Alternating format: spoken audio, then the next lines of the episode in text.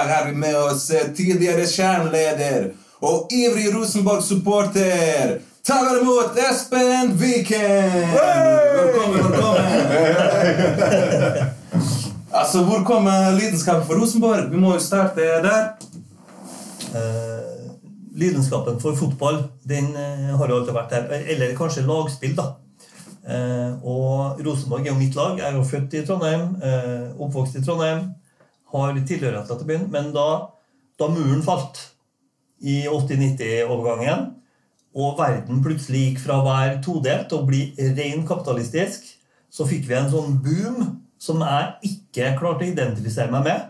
Så når Nils Arne Eggen klarte å bygge opp et lokalt fotballag, altså mitt fotballag, ble et lag som besto av norske og trønderske spillere, som slo Milan, som spilte jevn, altså som slo de herre kapitalistmaskinene i utlandet. Så det, det, ble en form for identitet. da. Så For meg så er Rosenborg jo to ting. Det ene er jo fotballaget i byen min. Men det andre at det er på en måte ei det er en kultur, da. Det er en motkultur mot noe som jeg syns var så utrolig vakkert. Det er jo grunnen til at jeg er så Rosenborg som jeg er. Det er pga. den antikapitalistiske stilen. Altså Man gjør de riktige tingene på den riktige måten. Velge ut de riktige folkene. og du, Det er ikke noen grense for hva du kan få til. Sånn. Du trenger ikke 800 milliarder for å bli god i fotball. Du må bare gjøre det på en ordentlig måte. Det jeg. Det syns jeg er fotball sånn på ordentlig. Ja, Det er helt unikt det Rosenborg fikk til, som sier med trøndere. Noen innslag med nordlendinger også der. Men eh, det at eh, de altså, spiller jevnt eller slår lag som Real Madrid, ja. som har vært et av de største lagene noensinne, AC Milan, slår dem ut av, kø av eh, Champions League, det kommer aldri til å gjenta seg, egentlig. At, eh, jeg tror det er typisk norsk å være litt underlegen. Og det tror jeg handler om at vi, vi er jo et ganske nytt land. Altså fra 1905. Og det med identitet Vi, vi har på en måte alltid vært under Sverige eller under Danmark, og så driver vi og skryter av en vikingperiode altså, Den norske identiteten er egentlig litt Altså, når, når ungdommer i, nei, unger i Trøndelag skal, være, skal leke, så snakker de østlending. Når østlendinger skal leke og være noe annet, så snakker de svensk. Altså, det sier noe om på en måte du, hvordan du rangerer verden. Og det at et norsk lag kan på en måte konkurrere på, på sine premisser med alle andre, det gjør noe med identitet, det gjør noe med sjølbildet. Og det, ikke, det handler ikke om at det skal være liksom, at det skal boostes, og du skal tro du er bedre enn alle andre, men, men du må vite at du er faen meg like god som alle andre. Og det, Der har Rosenborg vært ganske viktig for den trønderske sjølfølelsen. Og så er det jo noen som tar av og blir litt eh. Sånn er det jo. Men, men altså det, å, det, å, på en måte klare å prestere like godt eh, og, og, være jevn med andre Idrett er jo en konkurranse der det skal være jevnt. Jeg synes jo at Når et lag vinner 10-0, så er det, det er ikke idrett. Det er noe annet. Da er det feil. Altså, men 4-4, 5-4 det, må være jevnt. men da må begge lagene gjøre en god jobb på forhånd. Og når Rosenborg klarte å gjøre den jobben for å konkurrere med de beste lagene, det er magisk. Det syns jeg er helt sjukt. Det var det som kanskje var litt sånn også fascinerende med Rosenborg på 90-tallet. på den godfotteorien, altså At alle hadde sin rolle. Mm. Og den godfotteorien er på en måte noe som man kan implementere på alle slags plan. Og det var det som også er jeg føler kanskje mangler litt i dagens idrett, for det er såpass mye fokus på enkeltpersoner og deres prestasjoner, mens den godfotteorien kan kanskje forsvunnet litt i dag, eller? Jeg tror jo at det er mange samfunnstrekk. Altså den her individualismen, den her eh, egotenkinga som er helt annerledes nå enn kan være på 80-90-tallet, eh, som preger samfunnet veldig langt på vei, eh, den er, tror jeg nok gjør at det blir vanskeligere. Men det at Kjetil Knutsen i Bodø Og jeg tror, det, jeg tror, ikke det der kunne ha skjedd like lett i Oslo. Men, men det at han i Bodø klarte å bygge opp et lag på nøyaktig de samme premissene, på de samme prinsippene, med de samme mekanismene, og så justert litt fordi fotballen forandrer seg jo i løpet av årene, eh, viser jo at disse tankene til Nils Arne er jo levekraftige så det holder, men det krever sin mann å gjennomføre dem. For at du må, du må på en måte være du må være ganske unik. Du må, du må leve fotball, du må sove fotball, du må være kjempetøff og tydelig, men samtidig fleksibel. Altså, det å få det til er ganske vanskelig.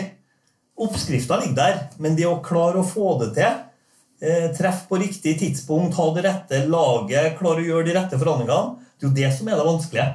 Det er det som er unikt også, det de har fått til opp i Bodø. Ja. Jeg så nylig intervju med Kjell Kjetil Knutsen. Han, han er jo fra Bergen. da.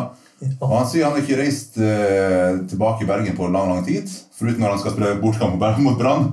Og selv om han har en datter der til 14 år som treffer han så å si aldri, egentlig. Men han, er jo, han lever fotball. Og det, det, han, det han har fått til i Bodø med at det har blitt et system så, så alle De fleste Bo- Bodø- Bodø-Glimt-spillerne som har dratt ut i Europa, har ikke lykkes. Nei. Det om det Som Rosenborg-spillerne på Ja. 90-tallet. Mm. De lyktes heller ikke. Sant? Og så når de kommer, de lykkes ikke, men eh, de henter inn nye spillere, og så fortsetter maskineriet. Men det jeg tror alle de her tilfellet er at eh, lokal forankring spiller veldig stor rolle. Altså For å bygge opp et ordentlig lag, uansett eller musikkgruppe, så må man ha en viss sånn patriotisme også. Og det er det som også jeg tror har vært litt den reformen til uh, Rosenborg, i hvert fall på 90-tallet. Altså. Vi ble jo veldig glad i Rosenborg også at det var jo De fikk fram de her lokale talentene. Og det er jo det som også er litt sånn kanskje med Trondheim i dag. altså sånn Det begynner å spire litt sånn nye lag nå de siste årene. Nye fotballag. Kanskje etter det behovet for å også kunne ha et uh, lokalt springbrett, og ikke bare et springbrett liksom ut i verden. Men sånn, når vi snakker om engasjement og kjernen, altså, hvordan ble du engasjert i kjernen i utgangspunktet? Eh, jeg meldte meg jo inn ganske tidlig, men jeg bodde jo i jeg bodde i Nord-Norge fra 85 til 2007. Så jeg bodde over, over 20 år i Nord-Norge. Eh, Og da satt jeg ganske langt unna, men jeg hadde jo en god kompis som var veldig engasjert i Rosenborg. Og han sa jo eneste måten å, å eh, være engasjert i Rosenborg Du må melde deg inn i klubben. Så jeg meldte meg jo inn i 95, kanskje. Meldte meg inn i kjernen ja Det krangla jeg litt med Joakim om, da, men jeg mener at det var i 98. Han eh, har jo oversikt over medlemsregistrene. Jeg vet ikke. Men det er sånn rundt 2000 meldte jeg meg inn i Det kjernen. var ikke like digitalt den tida, vet du. Så det gjelder å finne frem det riktige mappa. Det den. Man blir jo ekstra patriot når man er utenbys Søre. Det blir jo ekstra det. spesielt. Og jeg så jo Champions League på loftet til Ottar, naboen min. Ottar fra Nesna. Eh, Jeg så- sammen med ungene mine. Og de her Champions League-kveldene der guttene, småunger fra tre til sju år, fikk lov å være våken til klokka var elleve. Pluss at i tillegg så var det spennende. Så det var liksom ikke sånn bare at vi har kommet til VM. Eh, nå må vi heie på laget. Det var liksom sånn Vi kan faktisk klare å prestere. Ja, helt magisk. Men hvordan er sånn historikken til Kjernen? Altså? Når, når ble det til? eh, Hvordan har det gått frem? På midten av 90-tallet så ble egentlig en del folk lei av det herre apeberget, som det ble kalt. Det store stå på Lerkendal. Det, det var fullt av folk som ikke ville ha sitteplasser. Eh, og noen var litt småbrisen, noen hadde ufine kommentarer. Det var liksom et apeberg, da, på godt og vondt. Eh, og da var det en gjeng som gikk sammen og bestemte seg for å lage et alternativ. Og da etablerte man en gjeng som ble på en måte en motvekt mot den her ukulturen på eh, fotballtribuner. Eh, Jeg var sidespor. Jeg var holdt en presentasjon av Kjernen for veteranlauget for noen år siden. Og fortalte hvorfor vi gjør som vi gjør, og hva kulturen Altså gjøre dem litt mer kjent med Kjernen. Og etterpå kom det en, eh, en av de eldste i veterandauget, jeg tror han er 95. 92 eller 95 var han. Eh, Kom han og klappa meg på ryggen og sa jeg heier på dere, Viken. Jeg sitter på Adidas-tribunen, og de idiotene som sitter foran meg, er mye verre enn dere. For det er jo sånn det er, sant? Altså, det, det blir så sterkt når du får en supportertribune. Det blir så sterkt og mektig. og Mange syns det er litt skummelt.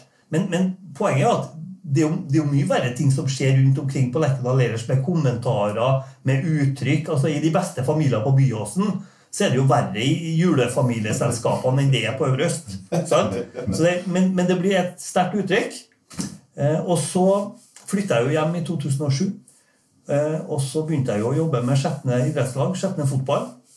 Var veldig engasjert. Og så involverte jeg meg vel i kjernen fordi jeg er glad i Rosenborg, men òg fordi at jeg ville ha bort dommerjævel. I den tida så var dommerjævel det var sånn tre, fire, fem ganger i hver kamp. Det var det faste uttrykket når dommeren dømte imot.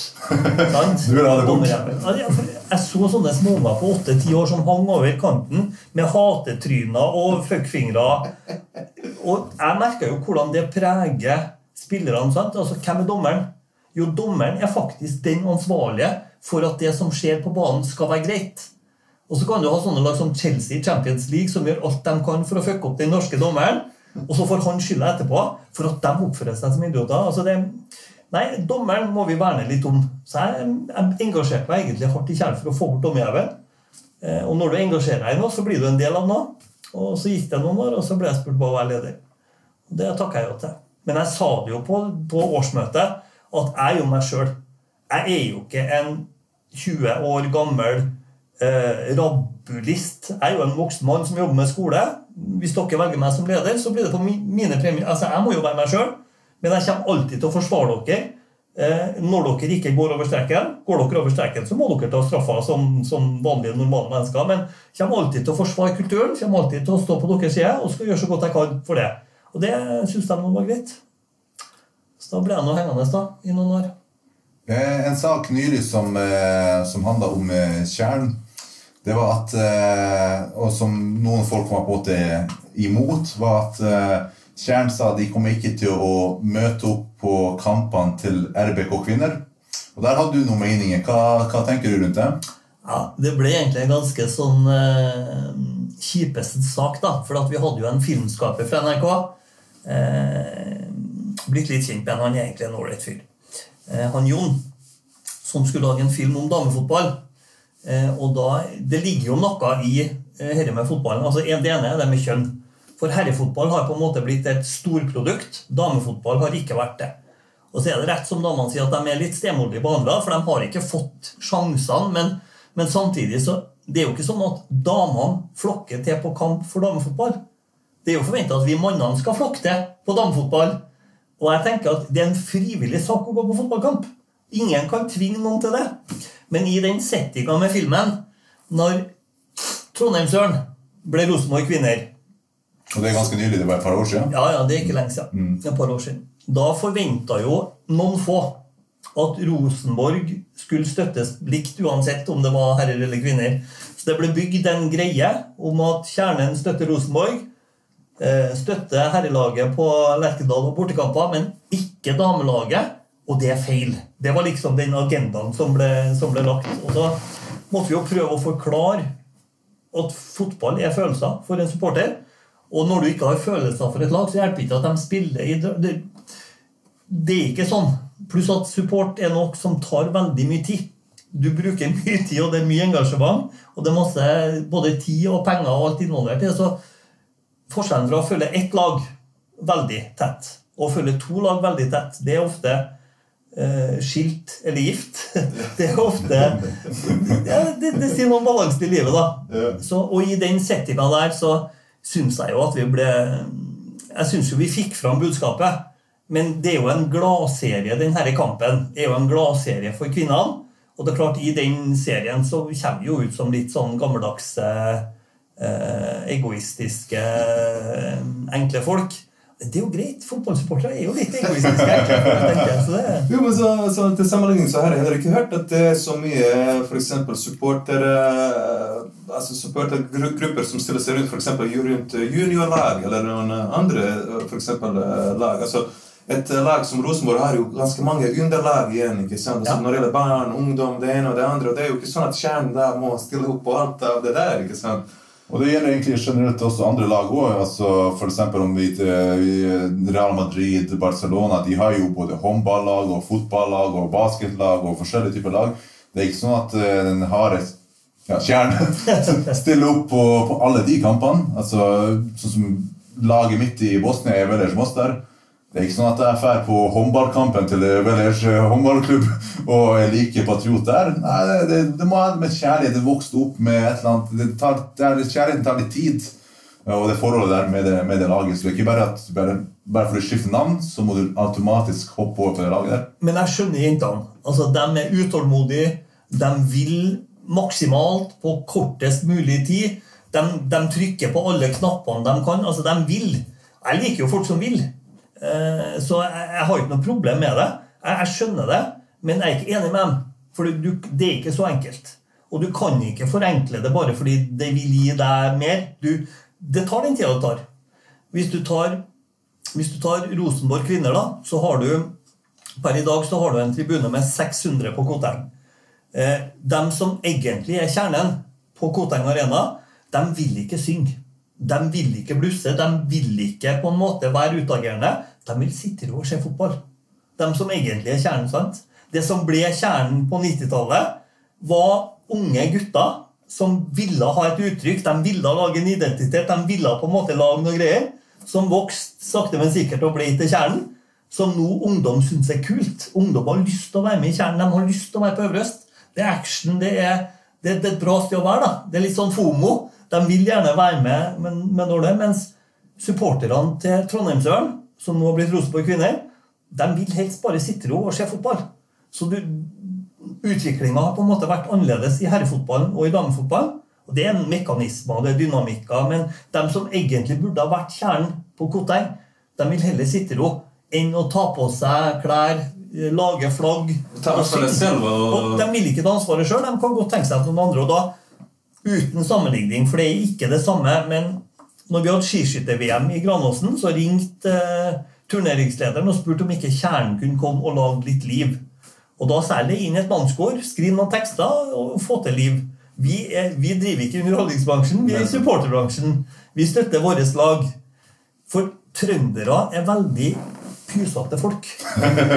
I sånne kollektiver. Vi er det. Kjempepysete. Så det at trønderske mannfolk uten å være full kan stå i en hel gjeng og synge høyt, det er egentlig et avvik. Det, det, det, er en sånn, det, må, altså, det tar litt tid.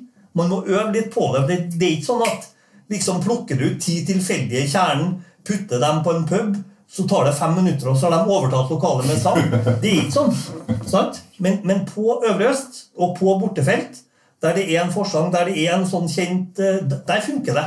Men, vi er ikke naturtalent på support. Trøndere er ikke naturtalent. Jeg gikk på lærerutdanninga sammen med en chilener, Germain Agurto. Når vi hadde fest, og Germain var med, så gikk det én time, så dansa alle på bordene. Når Germain ikke var med, var det ikke alltid at vi kom oss opp på bordene. Så det er noe med Supporten er nok både en arena for å støtte laget Det er en identitet, det er en opplevelse, det, det gir deg mange ting. Men det er også samtidig en trygg arena der du kan være kanskje litt annerledes enn det du er til vanlig. Det er en vakker del av det med Øvre Øst i Trondheim. Synes jeg. Et tema som jeg syns er veldig interessant, egentlig, og det er på en måte ikke noe som fasitsvar på det, bare egentlig mest følelser og meninger, mm. det er da i forhold til eh, det med politikk og sport. Og jeg vet eh, eh, Siste hjemmekampen på fjorårets sesong så hadde Tjern hengt opp et svært banner, ganske kult et, om eh, Infantino og emiren i Qatar, og sa at eh, klart tydelig at de var imot Eh, VM i Qatar. Mm. Og Kjetil Rekdal trakk seg som VM-ekspert også, som han skulle være VM-ekspert på NRK. ikke sant? Ja, ja. Og du var veldig for, for, det der. Kan du forklare litt den eh, situasjonen der, hva som var bakgrunnen for, og hva, hva på dine tanker rundt det? Ja, en av de tingene jeg liker best med norsk support, det er at den er upolitisk. Så det vil si at når jeg står på tribunen, så står jeg sammen med Ola, som er MDG. Jeg står sammen med to stykker som er Høyre, og noen i nærheten er Frp, og så er det noe Rødt. og det, det, det, det, er egentlig en gjeng som ikke skulle stå sammen. Sant? Men vi står sammen fordi det er ikke politiske diskusjoner. Det handler ikke om det er Høyre eller om det er Arbeiderpartiet som har den rette løsninga. Det handler ikke om den biten. Vi har fokus på fotball. Så vi sier at kjernen og Øvre Øst og puben og det rundt det, det er upolitisk. Så det vil si at Slutt å krangle om det her. Det er fotball vi er for. sant?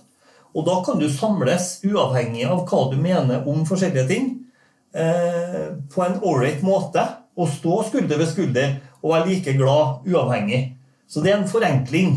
I motsetning til italiensk fotball, der supportergruppene er megapolitiske og veldig ytterliggående.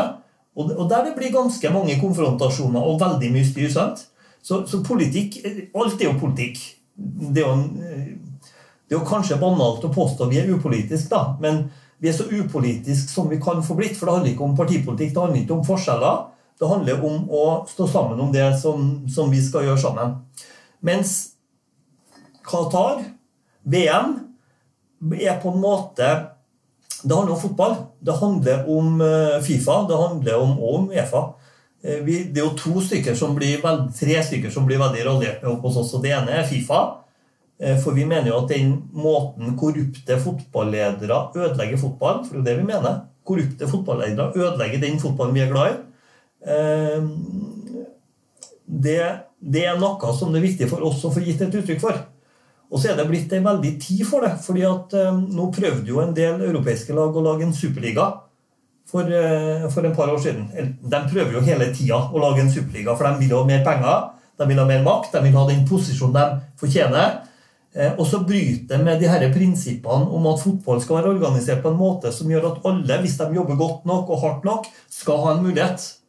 Um, og så får du et engasjement rundt Superligaen Eh, og da kan man jo si at det var statsministeren i Storbritannia som stoppa Superligaen ved at Boris Johnson sa han kom til å legge ned lover som forbød ditten og datten, og klubber som ble med i Superligaen, ble ekskludert fra Premier League.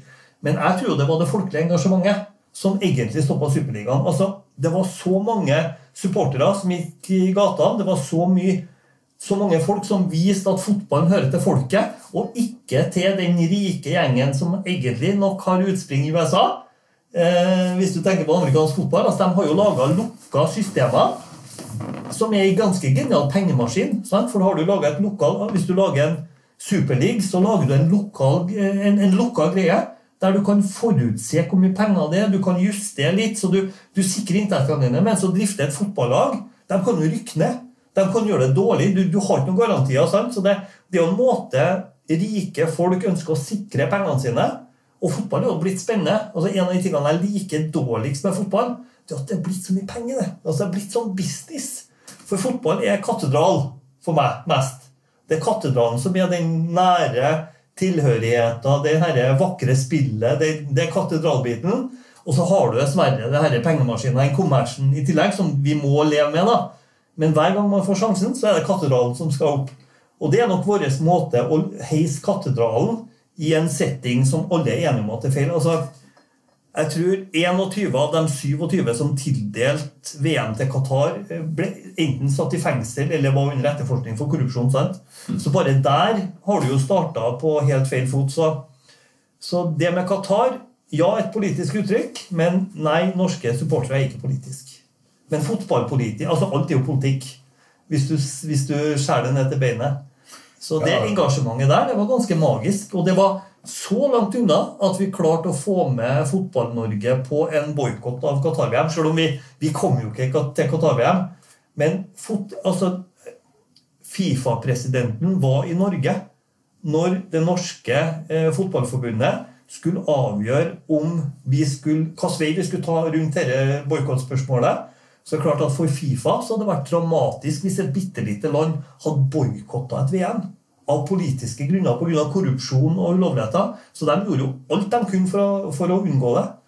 Litt av grunnen til at vi krangler med NFF, er jo at NFF egentlig var litt for mye på Fifas side i denne saken. NFF påvirka veldig for, for, å ikke få boikott. Og jeg tenker, Den politikken den skal vi leve med, for det er fotball det handler om. Det er ikke partiprogram, det er ikke ytterliggående problemstillinger. Det er fotball. Og det, rundt fotball så kan vi ha sterke meninger og mange politiske følelser. Og Det syns jeg er fullt respekt når man eh, står for sitt og er villig til å ofre ganske mye egentlig eh, eh i forhold til saken sin. Akkurat i forhold til det kan jeg ta, ta litt senere. Men vi kan bare fortsette i forhold til det du nevnte i forhold til Superligaen. Mm. Hva, du, hva du tenker egentlig sånn generelt om dagens fotball? Egentlig for det På 90-tallet var jo Rosenborg jevnlig deltaker i Champions League. Og som vi snakker om trøndere som spiller mot de største klubbene og vinner mot dem. Men i dag så føles det egentlig at det kommer aldri til å skje igjen, fordi gapet har blitt så stort. Hva du tenker du egentlig om dagens fotball som generelt?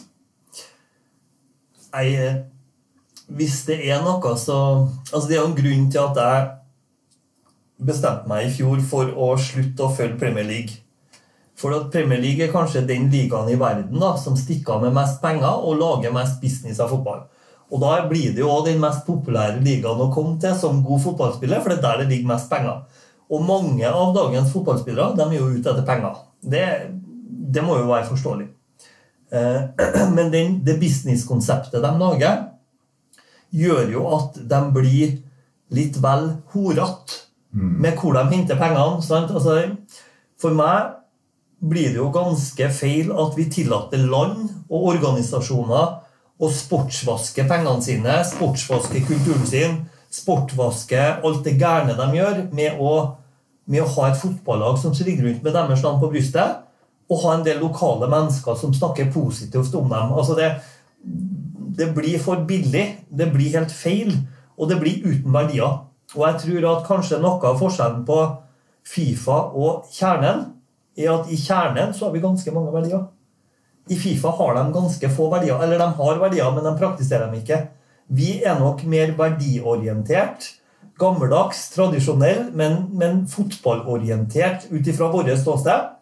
Eh, det vil kanskje overraske mange, men altså noe av det som overrasker meg mest med kjernen, når, når, du kommer inn i kjernen, du blir en del av kjernen, du jobber med kjernen, det er jo hvor mange verdier som ligger der. Eh, det ser jo ganske voldsomt ut når 2000 står med hatefjes og, og roper 'hate, hate dommeren'. Eh, men, men, de verdiene som ligger bak eh, Når vi får penger fra NFF, f.eks., så stopper ikke de på vår konto. De går direkte til barneklinikken på St. Olav, kreftavdelinga, fordi vi vil ikke ta imot penger fra NFF, for vi syns NFF er råtten. Nå har det blitt bedre med Lise Klaveness. For det er noen endringer, det er noen vinder som blåser over eh, fotballen nå. Veldig positive vinder. Eh, men det med prinsipper da, blir ganske viktig. Bare det prinsippet med kan Qatar få VM? Qatar gjorde egentlig ikke noe gærent. De gjorde det samme som alle andre, men fordi de har så vanvittig mye penger, så gjorde de det på en mye mer vulgær måte. Altså Hvis, eh, hvis Tyskland betalte 200 millioner euro for å få fotball-VM, så betalte Qatar 2000 millioner euro og gjorde det mer vulgært. Men de gjorde egentlig ikke noe gærent. Gjorde det på litt sånn ueuropeisk måte, tror jeg kanskje, som er ja. Care, liksom. Yeah. Om du skal ha 200 millioner eller 2000 millioner, det skiter jeg i. Altså, vulgært. Men det er litt sånn interessant når du nevner kjernen sine verdier. Mm. Hva vil du påstå er sånne grunnverdiene til kjernen? Klubben er viktigere enn eh, enkeltpersoner. Eh, du skal blø for drakta uansett. Hvis du blør for drakta, så støtter vi deg uansett. Eh, Nils Arne Eggen er en helt. Eh, Jim Solbakken er en skurk. Eh, det, altså, det er noen sånne grunnleggende verdier. Sant? Eh, ganske prinsipielle grunnleggende verdier. Vi er ikke kommers. Vi kan ikke kjøpes av noen. Når, når eh, Bunnpris ville sponse en TIFO på en cupfinale for noen år siden, så sa de at vi kan betale alt det koster, 100 000, eller alt det koster, hvis dere setter en bunnprislogo. og da bare flirer folk. sant? Det er jo ikke aktuelt. Enda vi hadde ikke penger til, logo, til, til Tifon.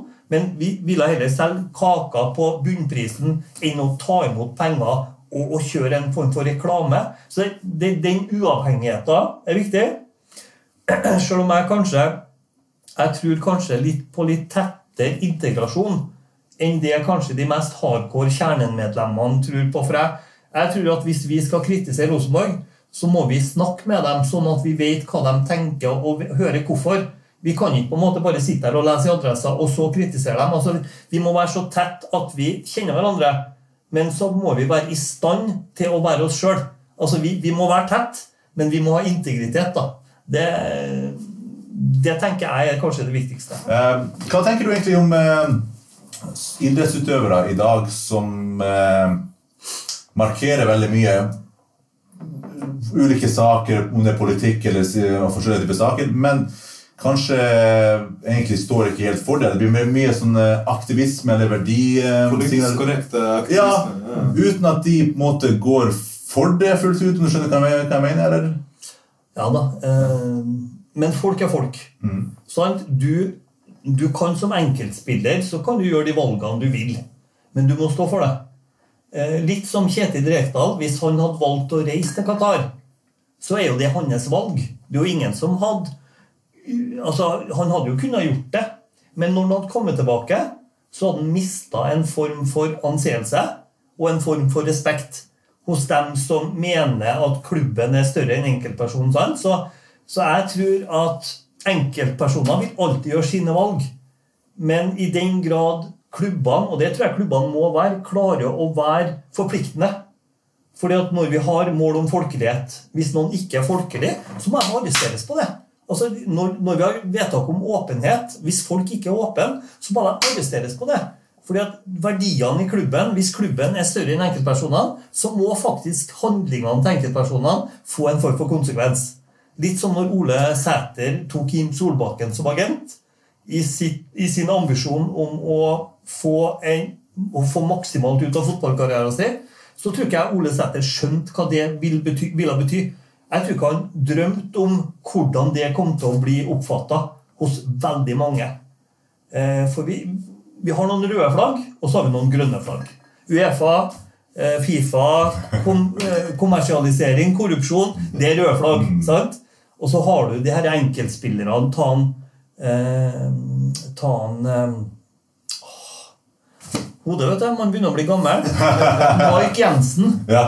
Altså, Mike Jensen Når vi ikke kom oss til Europa, så var det jo en gjeng som, i kjernen som tenkte vi må reise til utlandet. Vi må finne på et eller annet. Og da var jo tanken å reise og besøke en eller annen spiller i utlandet og bare ha et stunt på banen der den spilleren er. sant? Og det, det, er jo det jeg tenker på en form for tilhørighet. For når, når en spiller gjør noe ekstra for laget, selv om en spiller et annet sted, selv om en er annen, når, når, han gjør noe i det fellesskapet som betyr noe, da får han en verdi. Og det fine er at den verdien blir ikke borte. Det, det, det blir på en måte en form, altså Det Nils Arne har gjort for Rosenborg, det blir ikke borte. Det er der fordi det er en verdi. Og det er en verdi som man tar vare på fordi det i seg sjøl har en betydning, og fordi verdien er så stor og viktig for mange mennesker at den blir ivaretatt. Det, det tenker jeg på en måte er det motsatte. da. Hvis Kjetil hadde reist til Qatar, så hadde han mista verdi. Altså, det er en form for verdi og verdisetting uansett. Og da må jo dine personlige valg avgjøre.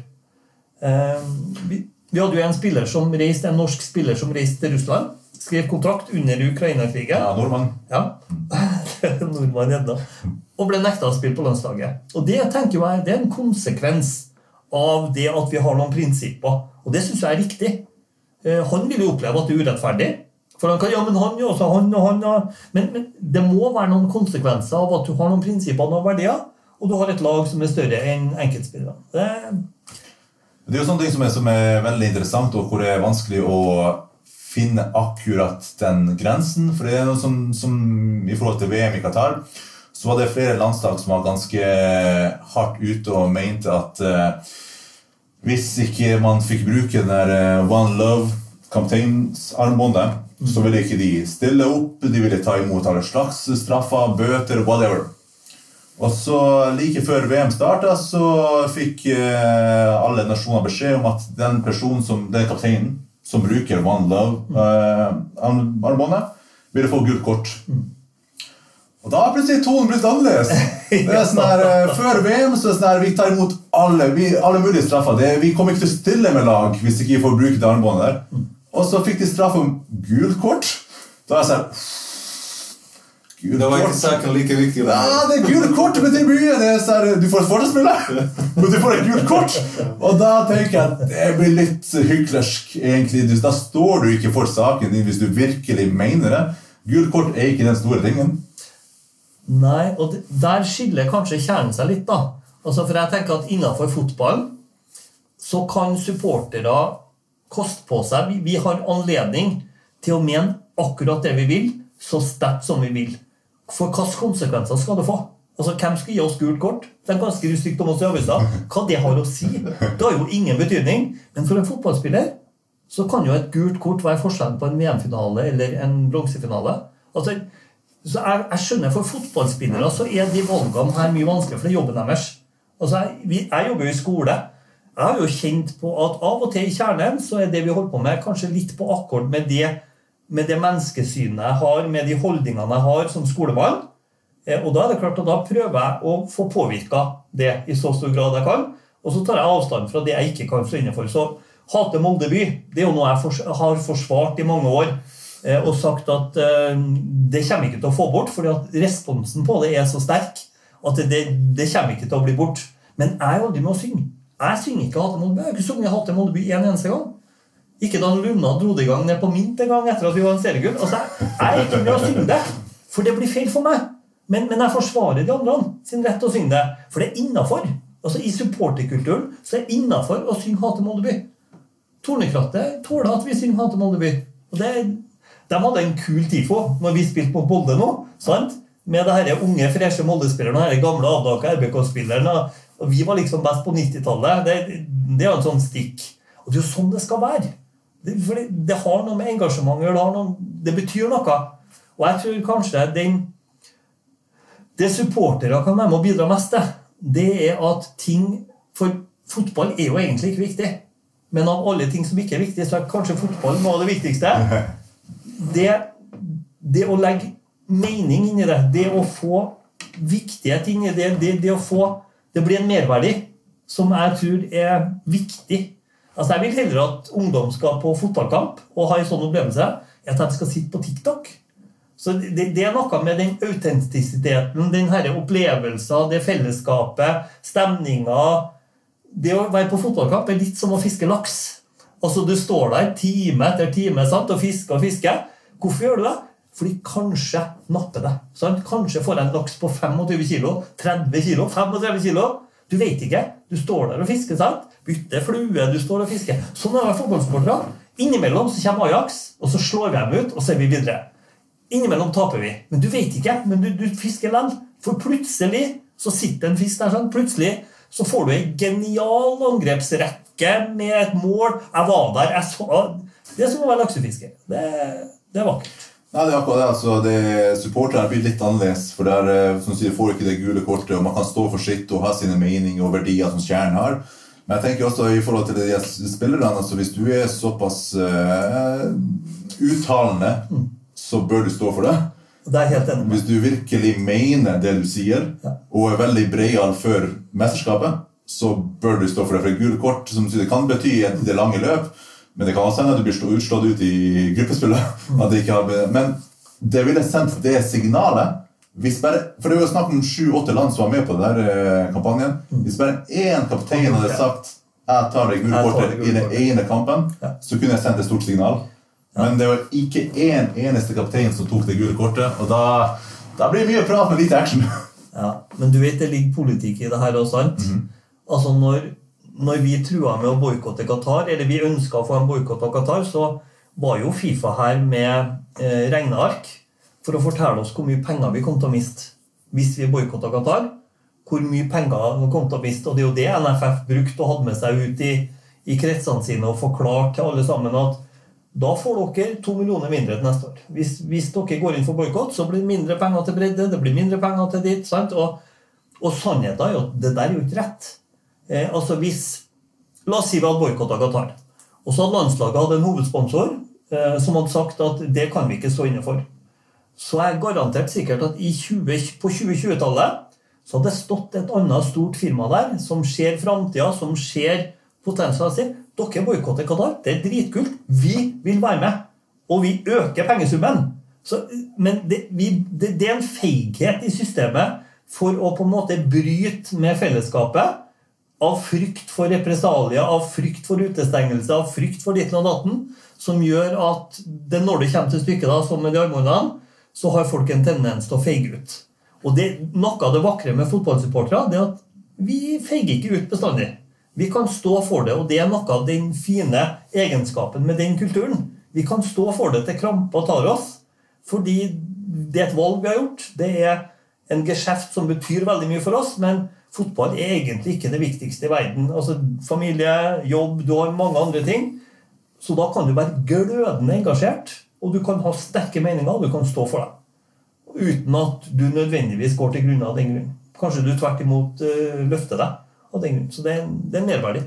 Men kan du, kan du tenke egentlig, Hvor går grensa på hva man eh, støtter og hva man er imot? For jeg, jeg mener å huske, kanskje at jeg feil, at det ikke var like store protester når det, det var VM i Russland. Og selv om det er åpenbart at Russland har ganske spesielt styre, og de står for veldig mye som mange folk er imot, mm. så var det ikke så store protester når det var VM i Russland. Hva du tenker på en måte, Hvor går grensa? for det er jo veldig mange folk er imot Qatar, men kanskje ikke like mye mot Russland. Noen støtter eh, var veldig for å støtte Ukraina, men eh, hvis du støtter Palestina, så får du straff fra Uefa. Hvor på en måte går grensa? Hvis du hørte jeg sa da, så sa jeg at det er jo egentlig ikke Qatar vi boikotter. Det er Fifa vi Ja. boikotter. sant? Og det var ikke så, det var kontroversielt med Russland, men det var ikke så kontroversielt som Qatar. Eh, det var politisk uenighet om Russland skulle få det.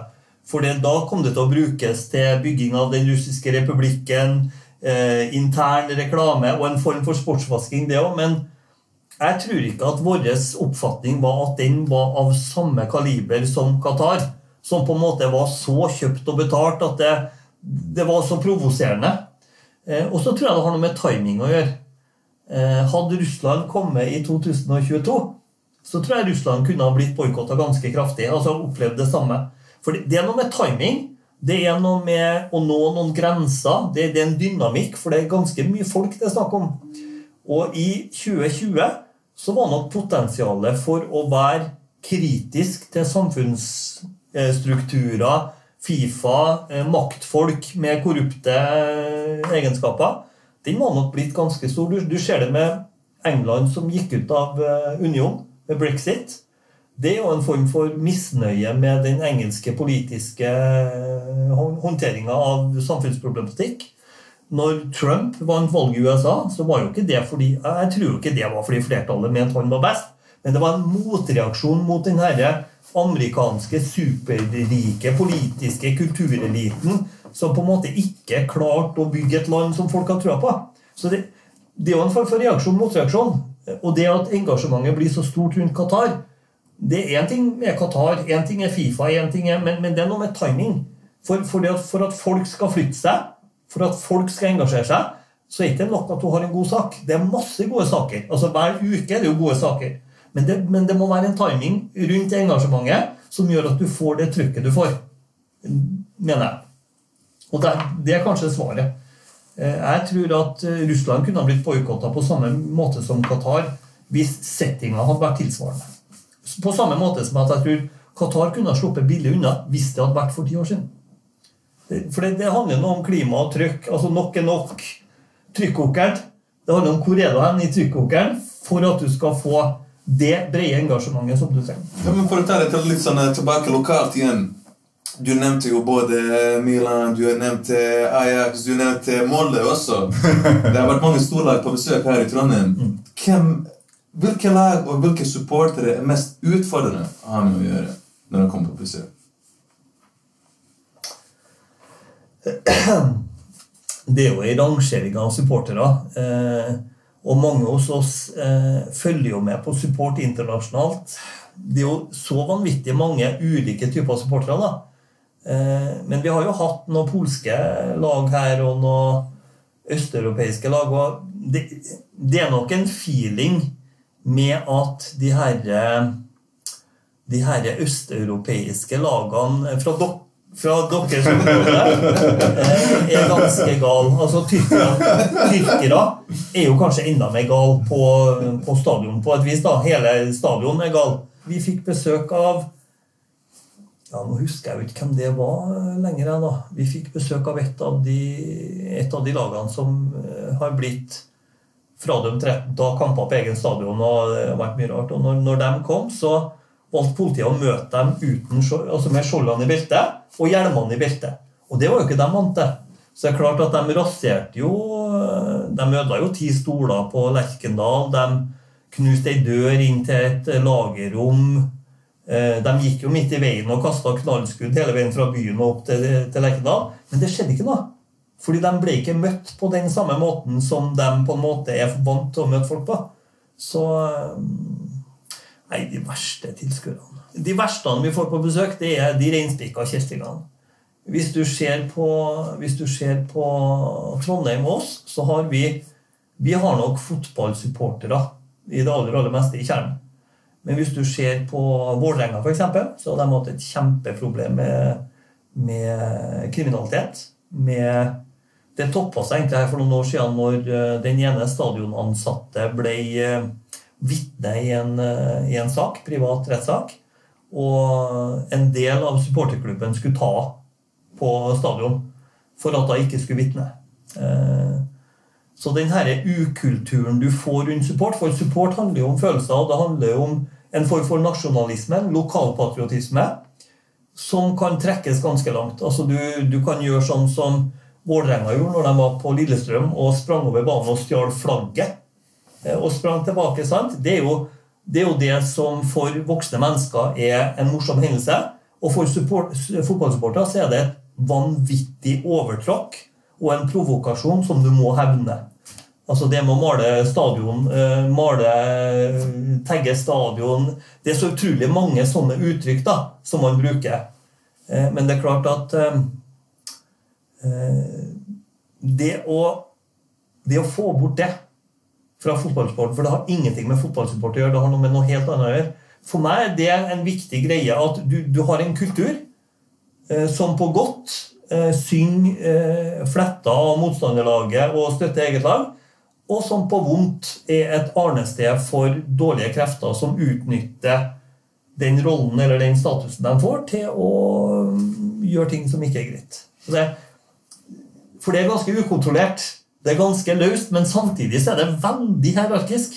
Så det, det er en ganske sånn interessant sosiologisk greie, det her er fotballsupportmiljøet. Ja, man kan skrive bøker om uh, supportere, både i fotball og andre sporter. Jeg husker uh, Det var jo håndball-VM her, her, i Trondheim eh, like før lockdown. Og da spilte Åpningskampen var Bosnia-Norge i håndball-VM. Og vi var jo, altså, i Bosnia var ganske ja, vi, jo, vi er alltid optimistiske, men vi regna med det kommer til å bli tap. men vi stilte på det, vi, vi stilte. Og jeg husker jeg var, en, jeg var jo i den supporterkretsen som var på kampen. Og vi var kanskje 100 stykker, og sånt, det var over 8000 i Trondheim Spektrum. Men det som var artig, at neste dag så var det alle norske aviser skrev om eh, hvordan det var liksom flaut at de her 100-150 bosniere skapte mer stemning enn 8000 Overdøva, ja. Enn mer enn 8000 nordmenn. Så neste kamp når Norge spilte mot Frankrike, da skulle det virkelig skape stemning. Men det er jo noe av det jeg syns er vakkert med kulturforskjeller. Altså, jeg liker jo, Dere kommer jo fra en del av verden der hvor ballteknikk, hurtighet, altså spillforståelse er en klasse over veldig veldig mange andre regioner. Jeg vet ikke hva det er. Men, men det er noe med den, den, kulturen Er det Balkan? Er det blir en grei måte å si på? Den, den ballkulturen på Balkan den er vanvittig bra på det individuelle nivået. Ja, det minner meg særlig nå sånn på en måte Etter krigen så minner det meg litt sånn på en måte Uten å sammenligne det for mye, men det minner meg litt sånn om Brasil. da. Mm. På grunn av at det her er det å ikke kanskje ha noen klare muligheter rett foran seg men på en måte bygge seg opp uh, jobbmessig eller noe sånt. ikke sant? Så har vært på en måte en slags som escape, men den, uh, den rømninga har kommet fra hjertet der. ikke sant? Så man har putta all sjela si i den fotballen, og så har man også en respekt for den idretten. altså Du nevnte de her supporterne som kom. Uh, I motsetning til det vi snakket om tidligere, så var jo mange av dem også fotballsupportere som kom altså fra BH Fanatico, som kom for å supporte det bosniske hånd håndballandslaget. Men det som var så kult, mange av dem kom jo fra mange forskjellige kanter fra hele Europa.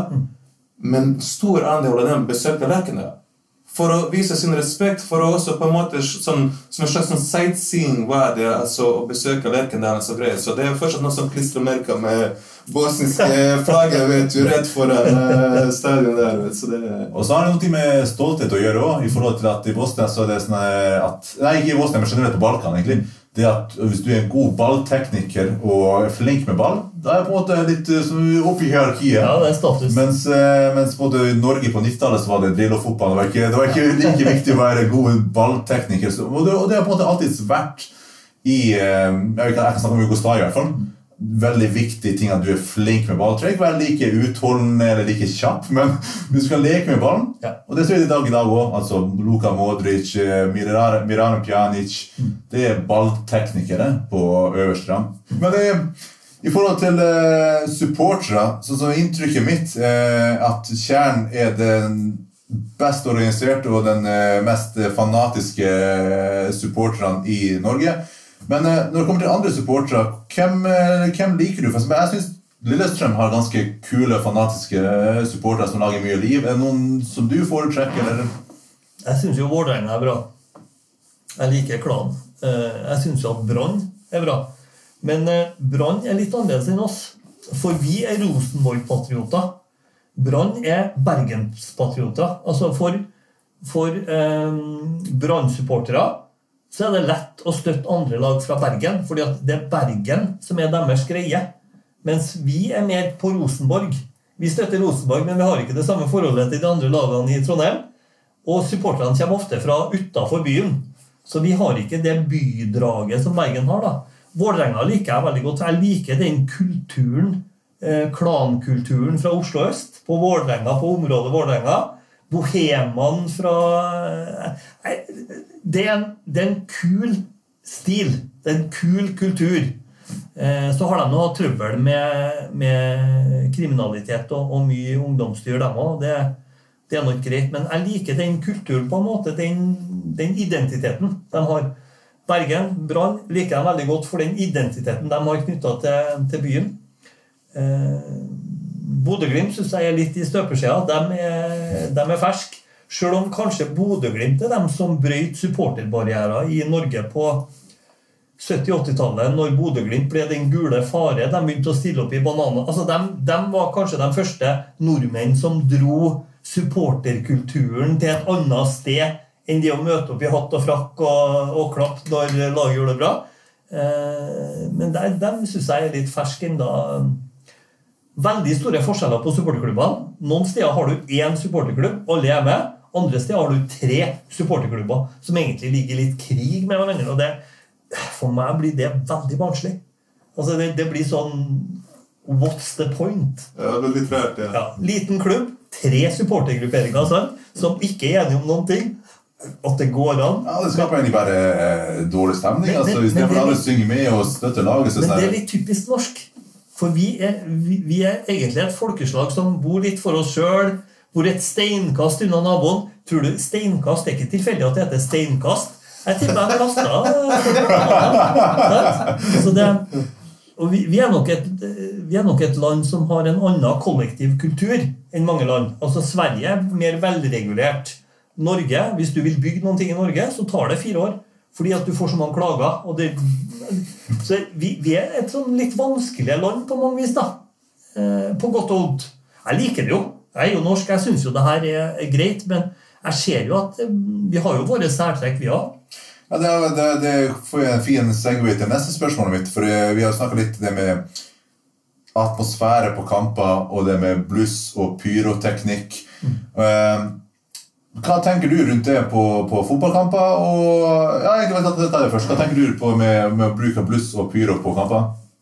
For det første så tror jeg at det å stå i ei taxikø i Midtbyen i helga er farligere enn å være på fotballkamp uansett. Eh, så opplever vel jeg at eh, man har laga en sånn fryktkultur rundt det her med supportere. Og rundt det her med blussing og, og pyro.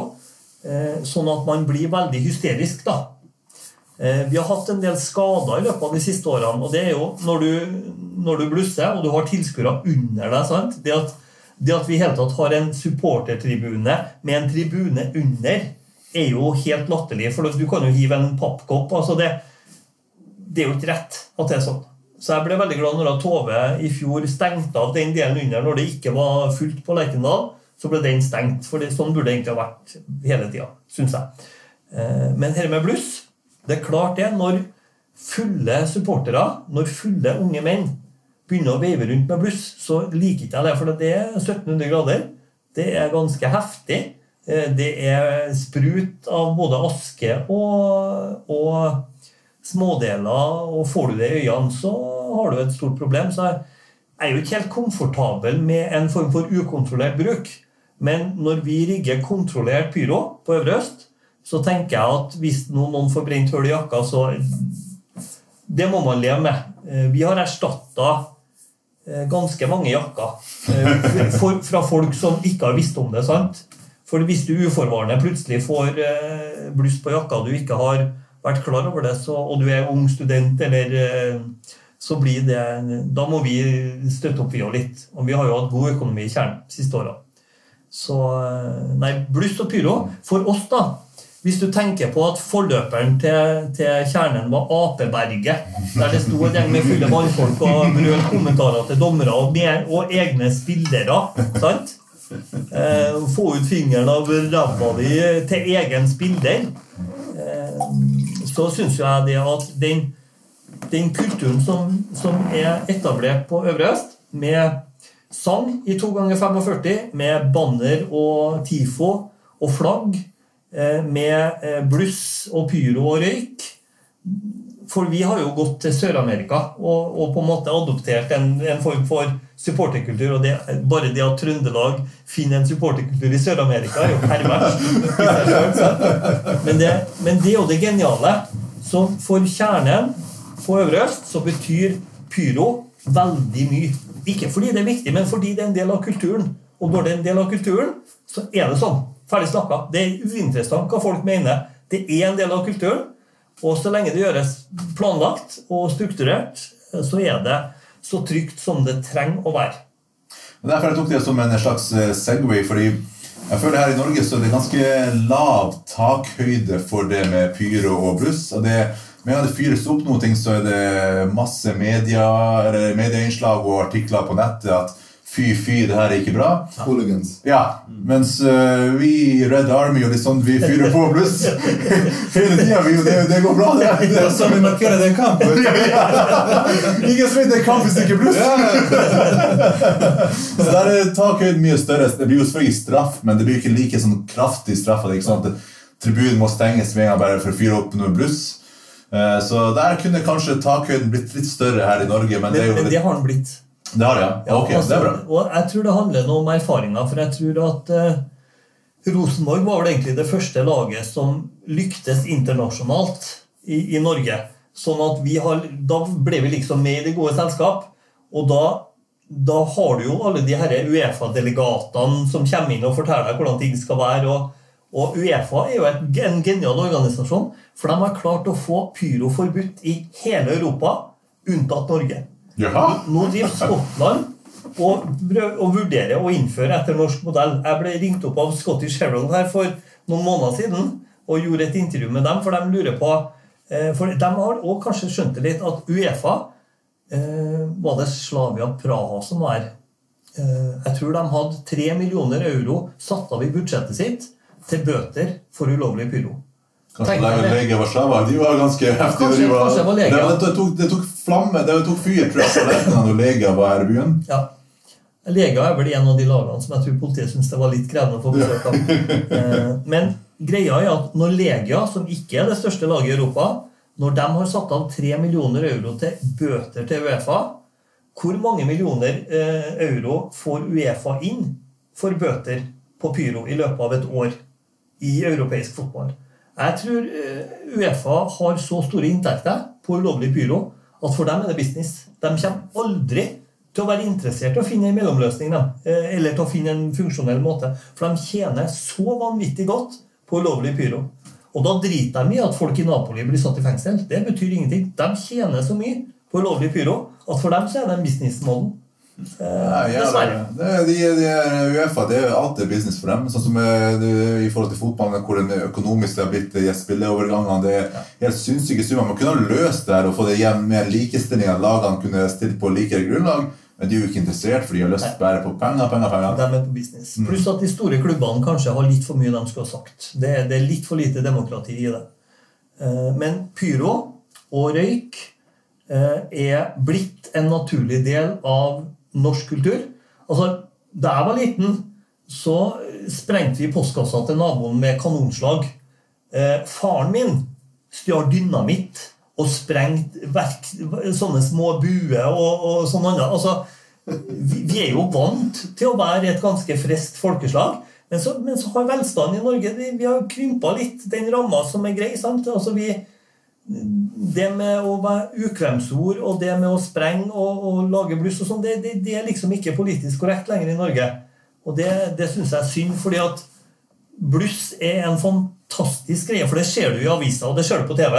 Altså Når det blusses ordentlig, det er et herlig uttrykk på en fotballbane. Og ren stemningsskaper. Og for oss er det kjempeviktig. Eh, og hvis du ser på antall skader etter blussing eh, de siste ti årene i Norge, så er det omtrent på null. Så det at det skal være så farlig ja, Selvfølgelig, worst case scenario. Du kan lage en teoretisk tanke om at det kan bli sånn eller sånn, men det kan du på alt. Da burde ikke folk ha gått på byen. Da burde ikke folk ha drukket alkohol. Folk burde ikke ta drosje hjem. Altså, Det er så mange ting som er farlig, men man kan velge seg ut noe, og det har man gjort på Pilo. Det, det har man valgt seg ut. Så vi har jo vi har vært i møte med, med justisministeren, nettmøte, eh, der, og DSB, Direktoratet for eh, samfunnssikkerhet og beredskap, som forvalter regelverket, eh, som har egentlig bestemt seg for å få bort fyr, nyttårsfyrverkeri pga. alle skadene. Det er jo så mange øyne og hender som blir skada på nyttårsaften. Og da har de bare putta pyro inn i samme boksen. Kaller det omtrent det samme. Og det protesterer jo vi mot, for vi sier at på nyttårsfyrverkeri så er det mange skader. Altså fulle nordmenn som skal ta av på nyttårsaften. Der blir det mye skader. Men på pyro på norske tribuner så er det jo ikke skada. Altså, Noen får svimerke på hånda. Ja, noen får øh, aske på øyet og må gå til behandling etterpå. Men det er ikke alvorlig skada. Du, du kan bli like skada av å fyre et bål i skogen. Altså, det er like mye øyeskader med aske fra bål i skogen som det er fra pyro. Så det å forby det på prinsipp, det blir helt feil. Fordi det er en del av kulturen.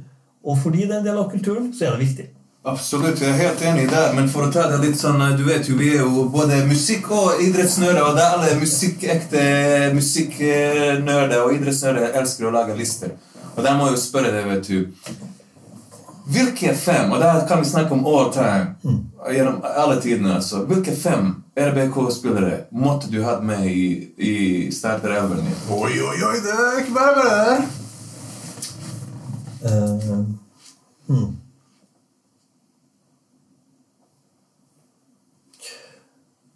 Du vet det er et umulig spørsmål. Derfor jeg sa fem, for jeg må begrense det. Jeg må ha med Erik Hofte. Eh, den jobben han gjorde som midtstopper, det at han ble igjen i Norge, det at han er en trygghetssøker og ble igjen i Norge, det at han klarte å temme både Zlatan Ibrahimovic og eh, Thierry Henry på slutten av karrieren sin i europaspill, helt sjukt. Erik Hoftun må jeg ha med. Råstrand må jeg ha med. Eh, Råstrand var mye mer teknisk enn hva vi tror. Vi tror han bare sprang, men han han har slått tunneler og skåra lekre mål. altså Råstrand var eh, veldig bra. Eh, Kasper Tengstedt vil jeg ta med. For han er nok et bilde på den nye tida. Altså det å Sjøl om vi må være et lag av lokale spillere som spiller for å komme på Rosenborg, så må vi ha inn noen sånne unike talenter som kan forløses. For det er en del av businessmodellen. Det må vi. Det og det at han kom til oss, det at han lyktes så godt sammen med oss, og det at han kunne gå videre på den måten han gjorde, det syns jeg var eh, veldig trist at han dro. For det betyr seriegullet, tror jeg. Men veldig fint at, han, at vi fikk den modellen. For det, jeg tror det er en del av framtida for en liten klubb som Rosenborg. Eh, så vil jeg ha med Odd Iversen eh, og Harald Sunde. Jeg tror det, det må bli det. Harald Sunde og Iversen var jo radarparet fra 70-tallet. Eh, Harald Sunde prata jeg sist med her forrige uke siden. Eh, veldig herlig, fin, rolig, beskjeden, moderat fyr. Eh, helt unik pasningsfot på fotballbanen. Og så råskinnet Odd Iversen, som egentlig kunne ha vært faren til en uh, Haaland. sant? Akkurat den samme spillestilen kunne ha vært faren. Uh, og nå er det mange spillere jeg ville hatt med. Jeg ville hatt med Bent Skammelsrud, som er en fantastisk person og en helt utrolig nøkkelperson for å få til Rosenborg-fotballen. Altså, det er så mange jeg måtte ha hatt med. det blir så feil Og du spør. Men i hvert fall det er ingen overraskelse hvem de hadde blitt leder av. Nei, det er Nils Arne. Ja, ja. Og Bjørn. Og Bjørn Hansen. Bjørn Hansen. Ja, Nils Arne Eggen er artig og angrepsvillig offensiv, men hvis Bjørn Hansen ikke er med og har ansvaret for Forsvaret, så blir det for løst. Altså, jeg tror Bjørn Hansen er, er det, det, er den nøkkelen som gjør at Nils Arne lyktes. Uten Bjørn Hansen, som er så fotballklok, eh, god til å se på hva vi må gjøre, så kan Nils Arne gjøre det vi har lyst til å gjøre, og det vi på en måte ønsker å gjøre. Eh, så de er leda av eh, Nils Arne Eggen og Bjørn Hansen. For de var også et tospann. Viktig tospann. Men eh, du som eh, stiller spørsmålet, føler du at det er noen som mangler på en liste, eller? eh? Altså, sånn, Jeg er litt sånn old school, og jeg vet jo altså sånn Når jeg var liten kid, en av de første gangene vet du, jeg var på besøk i hjemlandet mitt etter krigen, så hadde jeg jo ikke folk der nede noen referanse til Norge, eller visste ikke så mye om Norge. Men alle visste hvem Rosenborg er, hva slags lag det er, hvor det er fra. Og alle visste hvem Mini Jacobsen var.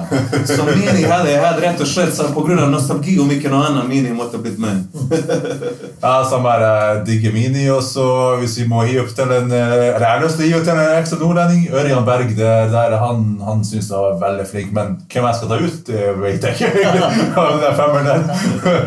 Ja, men, det har vært så, altså, men det jeg tror da kjennetegner Rosenborg, er at du har, du har noen nøkkelspillere. Sånn som det vi mangler nå, sant? det er den nøkkelspilleren på midtbanen som klarer å se angrepssituasjonene og slå de riktige ballene. Vi mangler Ben Skammelsrud eller Sverre Berlandhaug eller Ole Selnes på midtbanen. Eh, og så må du ha den spissen som klarer å skåre det jævla målet. Og så må du ha den sjefen i Forsvaret som setter linja, som på en måte tar ut dybde de få gangene det skal, og som løser de vanskelige forsvarssituasjonene og passer på at vi ikke slipper inn latterlig billige mål i forsvar, som vi har gjort altfor mye av de siste årene. Så det er en sånn Du må ha de nøkkelpersonene, og så må du ha de relasjonene? Som, som bare funker. Av og til har vi ei venstreside som er helt magisk, av og til har vi ei høyreside, av og til har vi et sentralledd. Så det eh, Du må ha de, de relasjonelle spillerne som Harald Sunde og, og Diversen var. Og så må du ha de nøkkelspillerne som Tengsted var, Hoftun var, Råstrand var du, du må ha et sammensatt lag. da. Hvis du tenker deg at du har tatt de beste fotballspillerne i verden og satt sammen på et lag, så er det ikke sikkert de har vunnet. For du, du må ha ulike personligheter, ulike trekk Ja, i et lag for at laget skal funke. God fotteorien, vet du. Full circle. Så etter eh, åtte år som kjerneleder, hva er du mest stolt av, egentlig? Eh, Hva, no, noe ting du har oppnådd, eller noe ting du har fått i kjern? Jeg har jo ikke gjort noen ting som Det er jo ingenting som jeg har fått til alene. Men jeg tror jo jeg har vært med å etablere et veldig godt samarbeid med Rosenborg. Sånn at Kjernen og Rosenborg klarer å samarbeide og ikke være motstandere, på en måte. Et mye bedre samarbeid med politi. Som gjør at vi klarer å kanskje unngå at det blir så mye styr. da. For styr Jeg liker ikke styr. Altså Det er helt greit at det blir urolig, men, men styr er sånn unødvendig uro som kommer fordi du ikke har vært smart. Det liker ikke jeg. Eh, nei, og så er jeg eh, kanskje fornøyd med at jeg har eh, i løpet av de åtte årene Christer sa det når jeg ble takka av her eh, på, på Essedals, så sa han det at eh, i løpet av de her årene sa han, så har nok du påvirka meg til å bli litt mer ordentlig og ryddig. Men så har nok jeg påvirka deg til å bli litt mer rabulist. Jeg har nok blitt litt mer litt, litt mer gæren. Det syns jeg er veldig bra. Det liker jeg veldig godt. Det er bra. Vi har blitt like mye påvirket av som kjæren er blitt påvirket av det. Det er super. Så på slutten nå så liker vi å ha litt sånn shoutouts. Altså, hvis det er noen som du har lyst til å sende en hilsen til der ute, så kan du gjøre det. Det får jeg lov til, ja. Vet du, Da er en shout-out til Kjernen og Bjørn og resten av gjengen. Eh, jeg gleder meg virkelig til denne sesongen. Eh, Rosenborg eh, har kanskje fortsatt et år igjen før vi er der vi skal være. Kjernen, Øvre Øst, vi er faen meg på god vei. Godt kampår. Veldig bra sagt. Og tusen hjertelig takk til alle sammen som fulgte med på denne episoden. Alle som ser på og hører på, tusen takk. Følg med oss videre. Peace out!